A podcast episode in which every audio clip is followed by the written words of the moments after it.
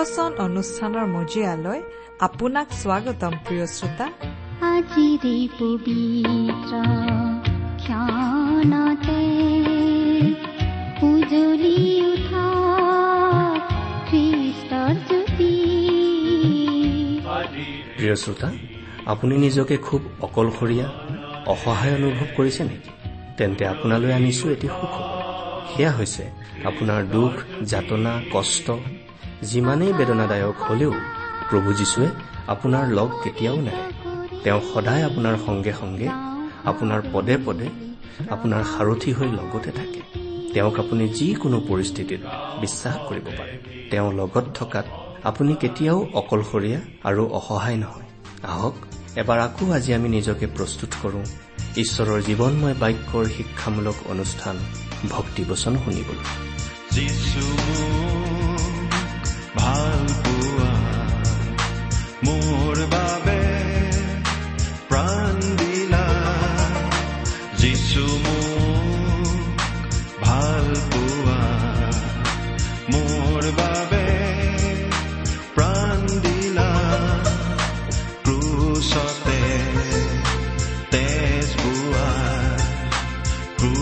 ক্ৰুচতে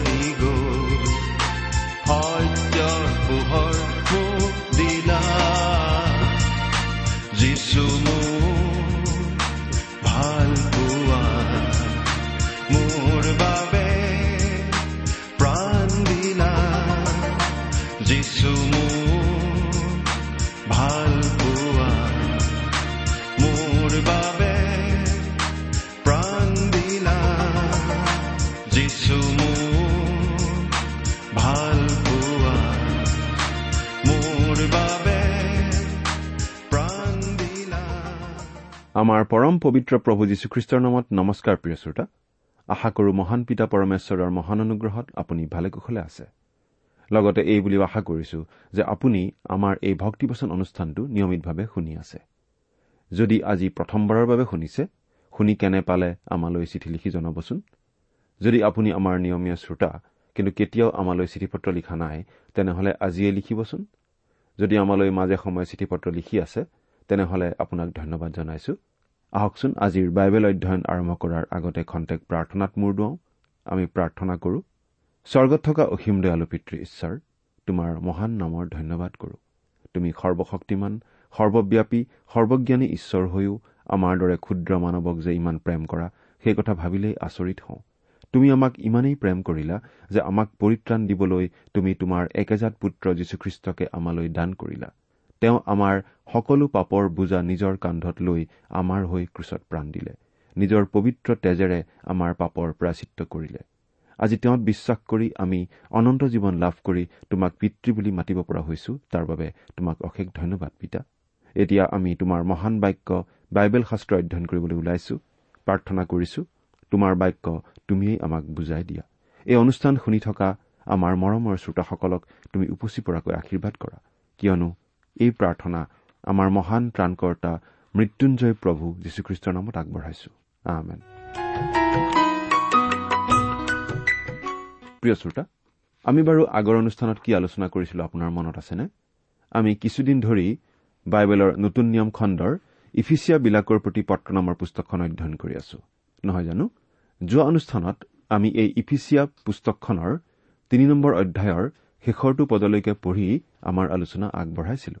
গতিকে আমি আজিৰ অনুষ্ঠানত ইফিচিয়া পত্ৰৰ চাৰি নম্বৰ অধ্যায়ৰ অধ্যয়ন আৰম্ভ কৰিম।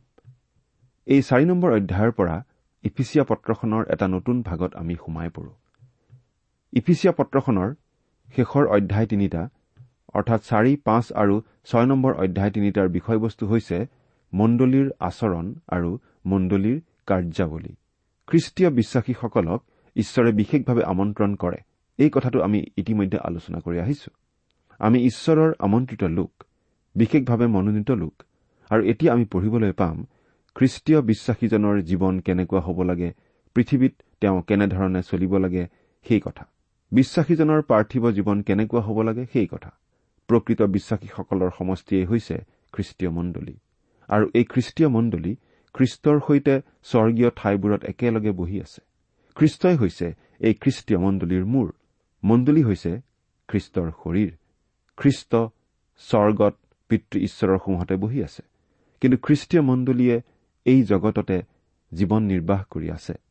যেতিয়ালৈকে মণ্ডলীক স্বৰ্গলৈ উঠাই নিয়া নহয় তেতিয়ালৈকে মণ্ডলী পৃথিৱীতে থাকিব লাগিব। খ্ৰীষ্টীয় বিশ্বাসীসকলে পৃথিৱীতে জীৱন কটাব লাগিব সেইদিন নহালৈকে। প্ৰথমৰ পৰা তৃতীয় অধ্যায়লৈকে অধ্যয়ন কৰোঁতে আমি পালো মণ্ডলীৰ আমন্ত্ৰণ স্থাপন আৰু গঠনৰ কথা। পত্ৰখনিৰ এই শেষ অংশত আমি মণ্ডলীৰ আচৰণ মণ্ডলীৰ স্বীকাৰোক্তি আৰু মণ্ডলীৰ বিশেষ যুঁজৰ বিষয়ে পঢ়িম। মণ্ডলী হৈছে নতুন মানুহ নতুন সৃষ্টি আৰু ভৱিষ্যতে মণ্ডলী হ'ব এগৰাকী কন্যা। তদুপৰি মণ্ডলী হৈছে যীশুখ্ৰীষ্টৰ এজন সু সৈনিকো প্ৰথম তিনিটা অধ্যায়ত আমি আছিলো যীশুৱে আন ৰূপ ধৰা পৰ্বতৰ ওপৰত। সম্ভৱতঃ ইয়েই হৈছে নতুন নিয়মৰ চূড়ান্ত আম্মিক শিখৰ। সেইকাৰণেই আমি এই তিনিটা অধ্যায় পঢ়োতেই অধিক সময় ব্যয় কৰিলো। আৰু এই শেষৰ অংশটিত আমি নামি আহিছো সমভূমিলৈ য'ত আমি ছয়তানৰ কাৰ্য আৰু সন্দিহান জনসাধাৰণৰ সৈতে মুখামুখি হ'ব লাগে। এই ঠাইতেই আমি বাস্তৱ জগতৰ সৈতে মুখামুখি হ'ব লাগে। আমি বাৰু পৰ্বতৰ ওপৰৰ সত্যক ধূলি মাটিৰ পৰ্যায়লৈ লৈ আহিব পাৰিছোনে? আমি বাৰু ঈশ্বৰক সন্তোষ দিব পৰাকৈ এই জগতত জীৱন কটাই আছোনে? প্ৰভু যীশুৱে আমাক কৈছিল যে আমি জগতত আছো কিন্তু আমি জগতৰ নহয়। পুৰণি নিয়মত যেনেকৈ যীহুচোৱা পুস্তক তেনেকৈ নতুন নিয়মত এই ইফিচিয়া পত্ৰই এক বিশেষ স্থান অধিকাৰ কৰি আছে। এতিয়া আমি এই সত্যৰ প্ৰকাশ দেখিছো। ঈশ্বৰে অব্ৰাহাম ইছহাক জাকুব আৰু মচিৰ আগত কৰা প্ৰতিজ্ঞাৰ আধাৰতেই যীহুচোৱাই সেই প্ৰতিজ্ঞাৰ দেশত প্ৰৱেশ কৰিছিল। ঈশ্বৰৰ প্ৰতিজ্ঞাৰ আধাৰতেই সেই দেশ তেওঁলোকৰ আছিল আৰু তেওঁ ইছৰাইলৰ সন্তানসকলক জৰ্দন নৈ পাৰ কৰাই সেই দেশলৈ লৈ গৈছিল। জৰ্দন নৈ পাৰ হোৱাটোৱে যীশুৰ মৃত্যু তেওঁ কবৰস্থ হোৱা আৰু পুনৰুত্থিত হোৱা কাৰ্যক সূচায়। আমি প্ৰতিজন খ্ৰীষ্টীয় বিশ্বাসীয়েই প্ৰতিজ্ঞাৰ দেশত প্ৰৱেশ কৰিছো। আমি আচলতে সেই প্ৰতিজ্ঞাৰ দেশতে বাস কৰো। অন্তত আমি পুনৰুত্থানৰ এলেকাত বাস কৰা উচিত। সেই দেশৰ অধিকাৰী হৈ সেই দেশ উপভোগ কৰিবলৈ আৰু সেই দেশলৈ আশীৰ্বাদ কঢ়িয়াই আনিবলৈ যীহুচুৱাই সেই দেশ দখল কৰি ল'ব লগা হৈছিল। দখল কৰি লোৱাটো যীহুচোৱা পুস্তকৰ অতি গুৰুত্বপূৰ্ণ বিষয়। যদিও শত্ৰু আৰু আন আন বাধাই তেওঁৰ পথ আগুৰি আছিল তথাপি তেওঁ সেই সকলো অতিক্ৰম কৰি সেই দেশ দখল কৰি ল'ব লগা হৈছিল। ইফিচিয়া পুস্তকৰ প্ৰথম অংশত অৱস্থান হৈছে অতি গুৰুত্বপূৰ্ণ শব্দ। ঈশ্বৰে আমাক সকলো আম্মিক আশীৰ্বাদেৰে আশীৰ্বাদ কৰিছে। ইফিচিয়া এক অধ্যায় তিনি নম্বৰ পদত আমি এনেদৰে পাই আহিছো। ঈশ্বৰে আমাক সেই সকলো দিছে কিন্তু আমি বাৰু সেই সকলোবোৰ দখল কৰি লৈ এই পৃথিৱীত জীৱন কটাই আছোনে? ইছৰাইলৰ লোকসকলক সেই প্ৰতিজ্ঞাৰ দেশ দিবলৈ ঈশ্বৰে প্ৰতিজ্ঞা কৰিছিল কিন্তু সেই দেশত প্ৰৱেশ নকৰা পৰ্যন্ত সেই দেশ তেওঁলোকৰ কেতিয়াও হোৱা নাছিল। যি যি ঠাইত তোমালোকে ভৰি দিবা মই মুচিক কোৱাৰ দৰে সেই সকলো ঠাই তোমালোকক দিলো। যীহুচোৱা এক নম্বৰ অধ্যায়ৰ তিনি নম্বৰ পদ। ঈশ্বৰে কৈছে যীহুচোৱা এই সকলো তোমাৰ কিন্তু এই ঠাইখিনি দখল কৰি লোৱাৰ পাছতহে তুমি সকলো উপভোগ কৰিব পাৰিবা। এতিয়া স্বৰ্গীয় ঠাইবোৰত সকলো আম্মিক আশীৰ্বাদ উপভোগ কৰিবলৈ আগবাঢ়ি যোৱাৰ সুবিধা বিশ্বাসীসকলে পাইছে। অৱশ্যে জ্ঞানৰ অগম্য খ্ৰীষ্টৰ ঐশ্বৰ্যৰ কথা জানিবলৈ আমি আম্মিক যন্ত্ৰহে ব্যৱহাৰ কৰিব লাগিব আৰু সেইটো হৈছে ঈশ্বৰৰ বাক্য। এতিয়ালৈকে এই পত্ৰখন হৈছে কিছুমান গৌৰৱময় ঘোষণা। কিন্তু এতিয়া কিছুমান আজ্ঞা আমি পাম। এনেকুৱা এখন উচ্চ স্থানলৈ আহান কৰি লৈ অহা বিশ্বাসীসকলক এনেকুৱা এটা জীৱন যাপন কৰিবলৈ ঈশ্বৰে আজ্ঞা দিছে যি জীৱন সেই আমন্ত্ৰণৰ সৈতে খাপ খায়। কিছুমান লোকে এই পত্ৰখনৰ প্ৰথম অংশতেই থাকি ভাল পায় আৰু অতি আম্মিক বিষয়ৰ কথা কৈ নিজকে সাধু দেখুৱাই ভাল পায়। এবাৰ এজন পালকে তেওঁৰ মণ্ডলীত নিয়মিতভাৱে যোগ দিয়া এটা পৰিয়ালৰ ঘৰলৈ গৈছিল। সেই পৰিয়ালটো খুব ভাল পৰিয়াল আছিল আৰু নিয়মিতভাৱে গীৰ্জাত যোগ দিছিল কিন্তু তেওঁলোক সেই মণ্ডলীৰ সদস্য হোৱা নাছিল। পালকে তেওঁলোকক সুধিলে আপোনালোকে নিয়মিতভাৱে আমাৰ মণ্ডলীৰ উপাসনাত যোগ দিয়ে কিন্তু আপোনালোকে আমাৰ মণ্ডলীৰ সভ্যসভ্যা কিয় হোৱা নাই? তেওঁলোকে ঘৰৰ চিলিঙৰ পিনে চাই কলে আমি খ্ৰীষ্টৰ অদৃশ্য মণ্ডলীৰ সদস্য। কিন্তু প্ৰিয় শ্ৰোতা আমি সকলো খ্ৰীষ্টীয় বিশ্বাসীয়েই খ্ৰীষ্টৰ মণ্ডলীৰ সদস্য হলেও আমাক কিন্তু স্থানীয় মণ্ডলীত সক্ৰিয়ভাৱে অংশ লোৱাত বাধা দিয়া হোৱা নাই। বৰং এই কথাটোহে আমি মনত ৰখা উচিত যে খ্ৰীষ্টীয় অদৃশ্য মণ্ডলীয়ে এই পৃথিৱীত নিজকে দৃশ্যমান কৰিবহে লাগে স্থানীয় মণ্ডলীবোৰৰ জৰিয়তে। এতিয়া আমি ইফিচিয়া পত্ৰৰ ব্যৱহাৰিক দিশটো চাব খুজিছো। খ্ৰীষ্টীয় মণ্ডলীৰ দৈনন্দিন আচৰণৰ কথা আমি এতিয়া পাম। এই অধ্যায়ত মণ্ডলীক এজন নতুন মানুহৰূপে চিত্ৰিত কৰা হৈছে। নতুন মানুহগৰাকীয়ে এই পৃথিৱীত নিজকে প্ৰকাশ কৰা উচিত। খ্ৰীষ্টৰ অদৃশ্য মণ্ডলীৰ প্ৰতিজন সভ্য সভ্যাই নিজকে প্ৰকাশ কৰা উচিত সমাজৰ আগত। তেওঁলোকেই আচলতে খ্ৰীষ্টৰ মণ্ডলীৰ দৃশ্য ৰূপ। তেওঁলোকেই ঈশ্বৰৰ বাক্য বিলাই দিবও লাগিব। ইয়াৰ পাছত আমি যিখিনি কথা আলোচনা কৰিবলৈ ওলাইছো সেইখিনি যীশুখ্ৰীষ্টত বিশ্বাস কৰা লোকৰ কাৰণেহে বিশেষভাৱে লিখা কথা। ঈশ্বৰৰ আত্মাই পৰিত্ৰাণ পোৱা লোকসকলক বিশেষভাৱে কোৱা কথা আমি এতিয়া দেখিবলৈ পাওঁ। প্ৰিয় শ্ৰোতা যদিহে আপুনি খ্ৰীষ্টীয় বিশ্বাসী নহয় তেনেহলে ইয়াত যিখিনি কথা কোৱা হৈছে ঈশ্বৰৰ আত্মাৰ দ্বাৰা সেইখিনি আপোনাক কোৱা হোৱা নাই। প্ৰথমতে আপুনি খ্ৰীষ্টত বিশ্বাস স্থাপন কৰি ঈশ্বৰৰ এজন সন্তান হ'ব লাগিব আৰু তেনেদৰেই আপুনি খ্ৰীষ্টৰ শৰীৰৰ এক অংগ হ'ব লাগিব। এই পত্ৰখনিত এতিয়াৰ পৰা আমি যিখিনি কথা পঢ়িম সেই কথাখিনি বিশেষভাৱে লিখা হৈছে সত্যৰ বাক্য শুনা আৰু খ্ৰীষ্টৰ তেজৰ দ্বাৰাই মুক্তি অৰ্জন কৰা লোকসকলক উদ্দেশ্য কৰিহে। মৰা মানুহে খোজ কাঢ়িব নোৱাৰে।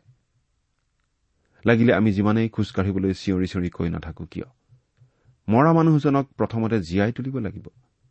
পৌলে আমাক ইতিমধ্যেই কৈছে আমি আমাৰ পাপ অপৰাধবোৰত মৰি আছিলো। খ্ৰীষ্টক বিশ্বাস নকৰি হেৰাই থকা প্ৰতিজন লোকৰ অৱস্থা তেনেকুৱাই। মিলিটাৰীৰ কমাণ্ডাৰ এজনে মৰিশালীত গৈ চিঞৰি নকয় পেৰেড সাৱধান তেজ চাল। তেনেকৈ অৰ্ডাৰ দিলে কবৰস্থানৰ পৰা কোনো লোকেই পেৰেড কৰি ওলাই নাহে। প্ৰথমতে তেওঁলোকক জীৱন দিব লাগিব কিন্তু অতি আমোদজনক কথা এইয়ে যে এই জগতে আচলতে মৃতপ্ৰায় জগতখনক কৈ থাকে তুমি কিবা এটা কৰা তেতিয়া তোমাৰ কিবা নহয় কিবা পৰিৱৰ্তন হ'ব তুমি উদ্ধাৰ পাবা। কিন্তু পাপ অপৰাধত মৰি থকা অৱস্থাত থাকোতে আমি নিজে যিমানেই চেষ্টা নকৰো কিয় আমি পৰিত্ৰাণ পাব নোৱাৰো নিজক উদ্ধাৰ কৰিব নোৱাৰো। প্ৰিয় শ্ৰোতা এতিয়া আমি যিখিনি কথা পঢ়িম সেইখিনি খ্ৰীষ্টীয় বিশ্বাসী লোকক সম্বোধন কৰিহে লিখা হৈছে। প্ৰিয় শ্ৰোতা যদিহে আপুনি খ্ৰীষ্টীয় বিশ্বাসী লোক তেনেহলে আপুনি অতি মনোযোগ দি এই কথাখিনি অধ্যয়ন কৰা উচিত। আপোনাৰ জীৱন কেনেকুৱা হোৱা উচিত সেই বিষয়ে আমি ইয়াত আলোচনা কৰিম। কিন্তু যদিহে আপুনি খ্ৰীষ্টীয় বিশ্বাসী নহয় তেনেহলে আপুনি আলিৰ দাঁতিৰ পৰা চাই থাকক। আৰু আপুনি বুজি পাব খ্ৰীষ্টীয় বিশ্বাসীসকলে কেনেদৰে জীৱন ধাৰণ কৰা উচিত। আৰু আপুনি নিজে বিচাৰ কৰিব পাৰিব খ্ৰীষ্টীয় বিশ্বাসীসকলে কেনেকুৱা আচৰণ কৰি আছে। চাৰি নম্বৰ অধ্যায়ৰ এক আৰু দুই নম্বৰ পদ দুটা পাঠ কৰি দিব খুজিছো। ইফিচিয়া চাৰি অধ্যায় এক আৰু দুই পদ। এতেকে প্ৰভূত যি মই মই তোমালোকক এই মিনতি কৰো যে তোমালোকে সকলো নম্ৰতা আৰু মৃদুতাৰে আৰু চিৰসহিষ্ণুতাৰে প্ৰেমত পৰস্পৰে সহন কৰি যি আমন্ত্ৰণেৰে আমন্ত্ৰিত হলা তাৰ যোগ্য আচৰণ কৰা। এতেকে এই শব্দটোৱে আগতে কৈ অহা কথাখিনিৰ লগত পৌলে এতিয়া কবলৈ লোৱা কথাখিনি সংযোজিত কৰি দিছে। অৰ্থাৎ ঈশ্বৰে বিশ্বাসীজনৰ কাৰণে যি যি কৰিলে সেইখিনি কথা মনত ৰাখিহে তাৰ পটভূমিতহে পাচনি পৌলে এই কথাখিনি কব ধৰিছে। পৌল হৈছে প্ৰভূত বন্দীয়াৰ। তেওঁ বন্দীশালত থাকিব লগা হৈছিল। প্ৰভু যীশুখ্ৰীষ্টক গ্ৰহণ কৰি খ্ৰীষ্টৰ শুভবাৰ্তা ঘোষণা কৰাৰ অপৰাধত। এই কথা বাৰু মন কৰিবলগীয়া নহয়নে? যে আন আন বিশ্বাসীৰ নিচিনাকৈ পাচনি পৌলো খ্ৰীষ্টৰ সৈতে স্বৰ্গীয় ঠাইবোৰত বহি থকা অৱস্থাতে বন্দীশালতো তেওঁ বহি থাকিব লগা হৈছিল কাৰণ তেওঁ পৰজাতিৰ লোকসকলৰ আগত খ্ৰীষ্টৰ শুভবাৰ্তা ঘোষণা কৰিছিল। মই তোমালোকক এই মিনতি কৰো। এই মিনতি কৰা শব্দটো ৰুমিয়া বাৰ নম্বৰ অধ্যায়ৰ এক নম্বৰ পদত বিনয় কৰো বুলি লিখা শব্দটোৰ সৈতে একে। এইটো চিনয় পৰ্বতত জুই আৰু ঢেৰেকনিৰে সৈতে দিয়া আজ্ঞা নহয় কিন্তু ই হৈছে প্ৰেমপূৰ্ণভাৱে অনুৰোধ কৰা কাৰ্যহে। ঈশ্বৰৰ সকলো কৰোণাৰ দ্বাৰা মই তোমালোকক এই বিনয় কৰো। ৰুমিয়া বাৰ নম্বৰ অধ্যায়ৰ এক নম্বৰ পদ। আমি আমাৰ আমন্ত্ৰণৰ যোগ্য আচৰণ কৰা উচিত। অৰ্থাৎ আমি খ্ৰীষ্টত যি অৱস্থা লাভ কৰিছো সেই অৱস্থাৰ সৈতে খাপ খোৱা জীৱন আৰু আচাৰ ব্যৱহাৰ আমাৰ হোৱা উচিত। তোমালোকে খ্ৰীষ্টৰ শুভবাৰ্তাৰ যোগ্য আচৰণ কৰা। এইমাত্ৰ মোৰ নিবেদন। ফিলিপিয়া এক নম্বৰ অধ্যায়ৰ সাতাইছ নম্বৰ পদ। পাচনি পৌলে এনেদৰেও লিখিছিল তোমালোকে যেন সকলো আম্মিক জ্ঞান আৰু বুদ্ধিৰ সম্বন্ধে ঈশ্বৰৰ ইচ্ছা বিষয়ক তত্বজ্ঞানেৰে পৰিপূৰ্ণ হোৱা আৰু তেওঁৰ সেই তত্বজ্ঞানত বাঢ়ি সকলো সৎকৰ্মত ফলৱন্ত হৈ আৰু আনন্দেৰে সৈতে সম্পূৰ্ণ সহন আৰু চিৰসহিষ্ণুতাৰ অৰ্থে তেওঁৰ প্ৰতাপৰ পৰাক্ৰম অনুসাৰে সকলো শক্তিৰে শক্তিমন্ত হৈ সকলোভাৱে সন্তুষ্ট কৰিবৰ অৰ্থে যেন প্ৰভুৰ যোগ্যৰূপে আচৰণ কৰা এনে যাচনা কৰি আছো। কলচীয়া এক নম্বৰ অধ্যায়ৰ দহ আৰু এঘাৰ নম্বৰ পদ। খ্ৰীষ্টীয় বিশ্বাসীজনৰ জীৱন কেনেকুৱা হ'ব লাগে তাৰ আৰ্হিস্বৰূপে পাচনি পৌলে নিজৰ জীৱনলৈকেই আঙুলিয়াইছিল আৰু বিশ্বাস কৰা যি তোমালোক তোমালোকৰ মাজত কেনে পবিত্ৰ ধাৰ্মিক আৰু নিৰ্দোষ আচৰণকাৰী আছিলো তাৰ সাক্ষী তোমালোক আৰু ঈশ্বৰো। প্ৰথম থিচলে নিকিয়া দুই নম্বৰ অধ্যায়ৰ দহ নম্বৰ পদ। পৌলে আমাক অনুৰোধ কৰিছে আমি যাতে শুভবাৰ্তাৰ যোগ্য আচৰণ কৰো। এই কথাটো আমাক পৌলে নকবও পাৰে কিন্তু আচলতে ইয়াত পৌলে আমাক যিখিনি কথা কৈছে তাৰ যোগেদি আমি সঁচাকৈয়ে খ্ৰীষ্টীয় বিশ্বাসী আৰু ঈশ্বৰৰ সন্তান হয় নে নহয় তাক পৰীক্ষা কৰি চোৱাৰ উপায় বিচাৰি পাওঁ। কোনো এজন লোক খ্ৰীষ্টীয় বিশ্বাসী হয় নে নহয় সেই কথা জনাৰ মাত্ৰ এটাই উপায় আমাৰ আছে। সেইটো হৈছে তেওঁৰ আচৰণ তেওঁৰ কাৰ্যকলাপ তেওঁৰ জীৱন যাত্ৰাৰ প্ৰণালীৰ পৰা। অৱশ্যে আমি কেনেকৈ চলো তাতকৈ আমি কত চলো কত ফুৰো সেইটো বেছি গুৰুত্বপূৰ্ণ। কিন্তু তেওঁ যেনেকৈ পোহৰত আছে তেনেকৈ আমিও যদি পোহৰতে ফুৰো তেন্তে পৰস্পৰ আমাৰ সহভাগিতা আছে আৰু তেওঁৰ পুত্ৰ যীশুৰ তেজে সকলো পাপৰ পৰা আমাক সূচী কৰে। প্ৰথম জোহন এক অধ্যায় সাত নম্বৰ পদ। পোহৰত ফুৰা মানে ঈশ্বৰৰ বাক্যৰ পোহৰত ফুৰা। প্ৰিয় শ্ৰোতা আপুনি বাৰু ঈশ্বৰৰ বাক্য অধ্যয়ন কৰাত কিমান সময় ব্যয় কৰে? আপুনি কিমান সময় বাইবেল পঢ়ে? সেই কথা আপোনাৰ ল'ৰা ছোৱালীয়ে জানে। আচলতে আপোনাৰ ওচৰ চুবুৰীয়াইও জানে মণ্ডলীৰ মানুহবোৰেও জানে। কাৰণ আমি কিমান সময় বাইবেল পঢ়ো কিমান ঈশ্বৰৰ বাক্যৰ পোহৰত ফুৰো সেই কথাটো আমাৰ কথা বতৰা আচাৰ ব্যৱহাৰ আদিত প্ৰকাশ পাবই। যদিহে আমি ঈশ্বৰৰ সৈতে সহভাগিতা বজাই ৰাখিব খুজিছো তেনেহলে আমি ঈশ্বৰৰ বাক্যৰ পোহৰত চলিবলৈ শিকিব লাগিব। আমি ঈশ্বৰৰ বাক্যৰ পোহৰত চলিব লাগিব। এবাৰ এজন লোকে শুভবাৰ্তাৰ পুস্তিকা বিতৰণ কৰি আছিল। তেওঁ বিতৰণ কৰি আছিল এখন বজাৰত। এজন অশিক্ষিত সহজ সৰল মানুহলৈ তেওঁ শুভবাৰ্তাৰ পুস্তিকা এখন আগবঢ়াই দিলে। সেই অশিক্ষিত মানুহজনে সুধিলে এইখন কি বোপা? বিতৰণ কৰি থকা মানুহজনে উত্তৰ দিলে যীশুখ্ৰীষ্টৰ শুভবাৰ্তাৰ কথা থকা এখন পুস্তিকা। সেই অশিক্ষিত মানুহগৰাকীয়ে কলে এহ মইতো পঢ়িব নাজানো। মই তোমাকে চাই থাকিম দিয়া। তোমাক চায়েই মই কথাবোৰ অনুমান কৰি ল'ব পাৰিম। নে কি কোৱা? প্ৰিয় শ্ৰোতা প্ৰতিজন খ্ৰীষ্টীয় বিশ্বাসীয়েই এই কথাটো ভালদৰে মনত ৰখা উচিত যে আন মানুহে তেওঁৰ প্ৰতি লক্ষ্য কৰি আছে। আন মানুহে তেওঁলৈ চাই আছে। তেওঁনো কেনেদৰে জীৱন নিৰ্বাহ কৰিছে কেনে আচাৰ ব্যৱহাৰেৰে জীৱন কটাইছে সেই কথা আন মানুহে চাই আছে। পাচনি পৌলে লোকসকলক এই বিশেষ অনুৰোধ কৰিছে। তোমালোকৰ আমন্ত্ৰণৰ কথা মনত ৰাখি সেই আমন্ত্ৰণৰ যোগ্য আচৰণ তোমালোকে কৰা। পাচনি পৌলে ইফিচিয়া লোকসকলক এই বিশেষ অনুৰোধ কৰিছে তেওঁলোকৰ আমন্ত্ৰণৰ কথা মনত ৰাখিহে। তেওঁ ইতিমধ্যে তেওঁলোকক এই কথাটো বিশেষভাৱে বুজাই দিছে যে তেওঁলোক এতিয়া এটা নতুন যুগৰ লোক আৰু সেই নতুন যুগটো হৈছে অনুগ্ৰহৰ যুগ। আৰু তেওঁলোকক ঈশ্বৰে বিশেষভাৱে অনুগ্ৰহ দেখুৱাইছে। সেই সকলো কথা মনত ৰাখি তেওঁলোকে তেওঁলোকৰ সেই আমন্ত্ৰণৰ যোগ্য আচৰণ কৰা উচিত। অৰ্থাৎ যিহৰ বাবে তেওঁলোকক ঈশ্বৰে আমন্ত্ৰণ কৰিলে তাৰ বাবেই তেওঁলোকে জীয়াই থকা উচিত তেনেদৰেই তেওঁলোকে আচৰণ কৰা উচিত।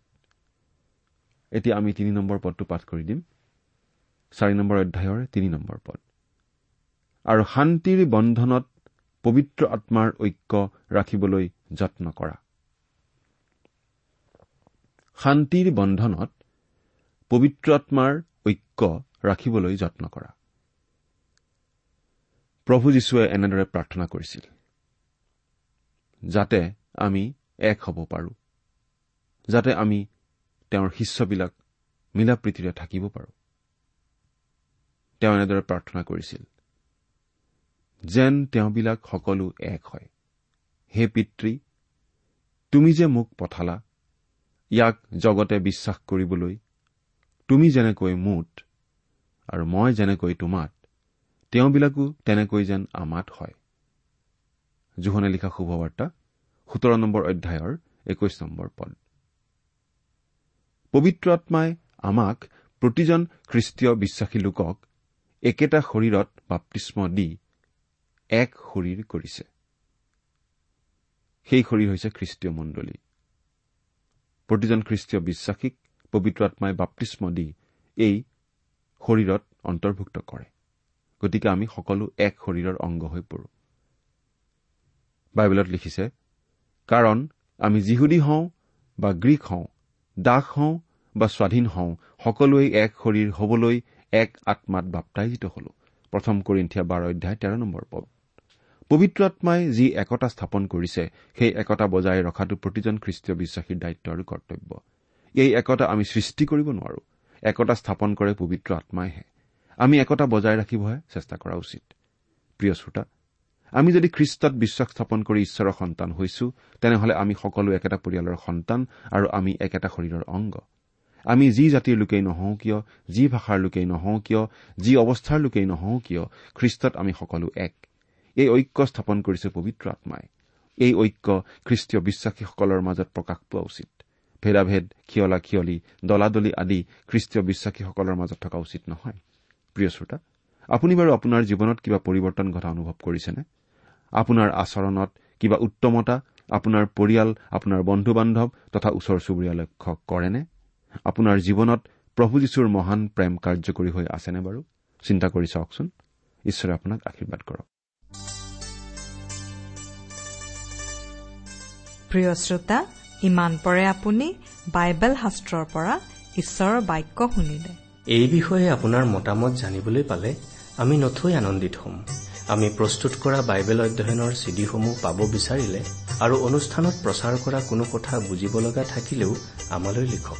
আমাৰ যোগাযোগৰ ঠিকনা ভক্তিবচন ট্ৰান্সৱৰ্ল্ড ৰেডিঅ' ইণ্ডিয়া ডাক বাকচ নম্বৰ সাত শূন্য গুৱাহাটী সাত আঠ এক শূন্য শূন্য এক জগত প্ৰেম কৰি ঈশ্বৰে পুত্ৰ যিশুকেই দান কৰিলে। তেওঁত বিশ্বাস কৰা জন যাতে যায় অনন্ত জীৱনলে। তেওঁত বিশ্বাস কৰা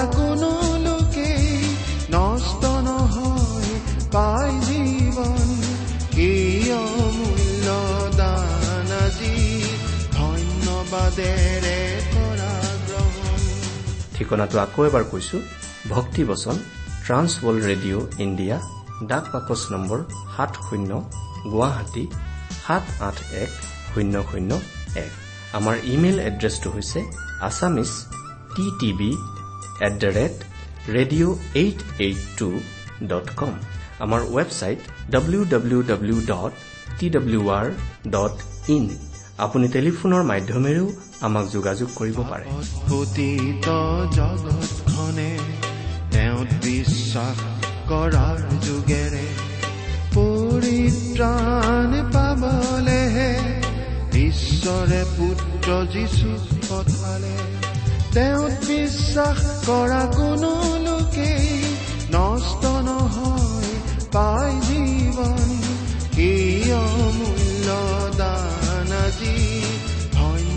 কৰা গ্ৰহণ।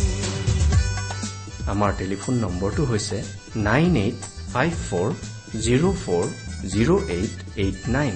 Phone নম্বৰটো আকৌ এবাৰ কৈছো ন আঠ পাঁচ চাৰি শূন্য চাৰি শূন্য আঠ আঠ ন।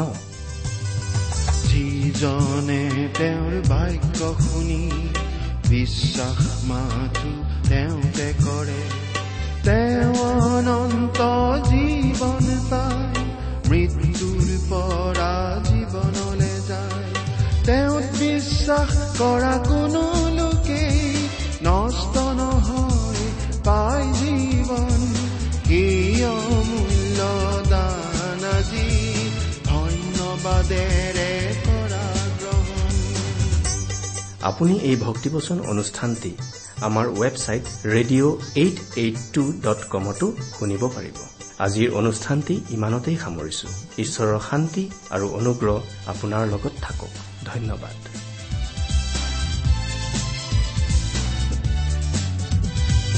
জীৱন দিওঁতা আহাৰ তেৱে যিজন তেওঁৰ কাষলে আহে তেওঁৰ কেতিয়াও ভোক নালাগে। আত্মিক পিয়াহো তেওঁ দূৰ কৰে তেওঁত বিশ্বাস কৰা কোনো লোকেই নষ্ট নহয় পাই জীৱন অমূল্য দান আজি ধন্যবাদেৰে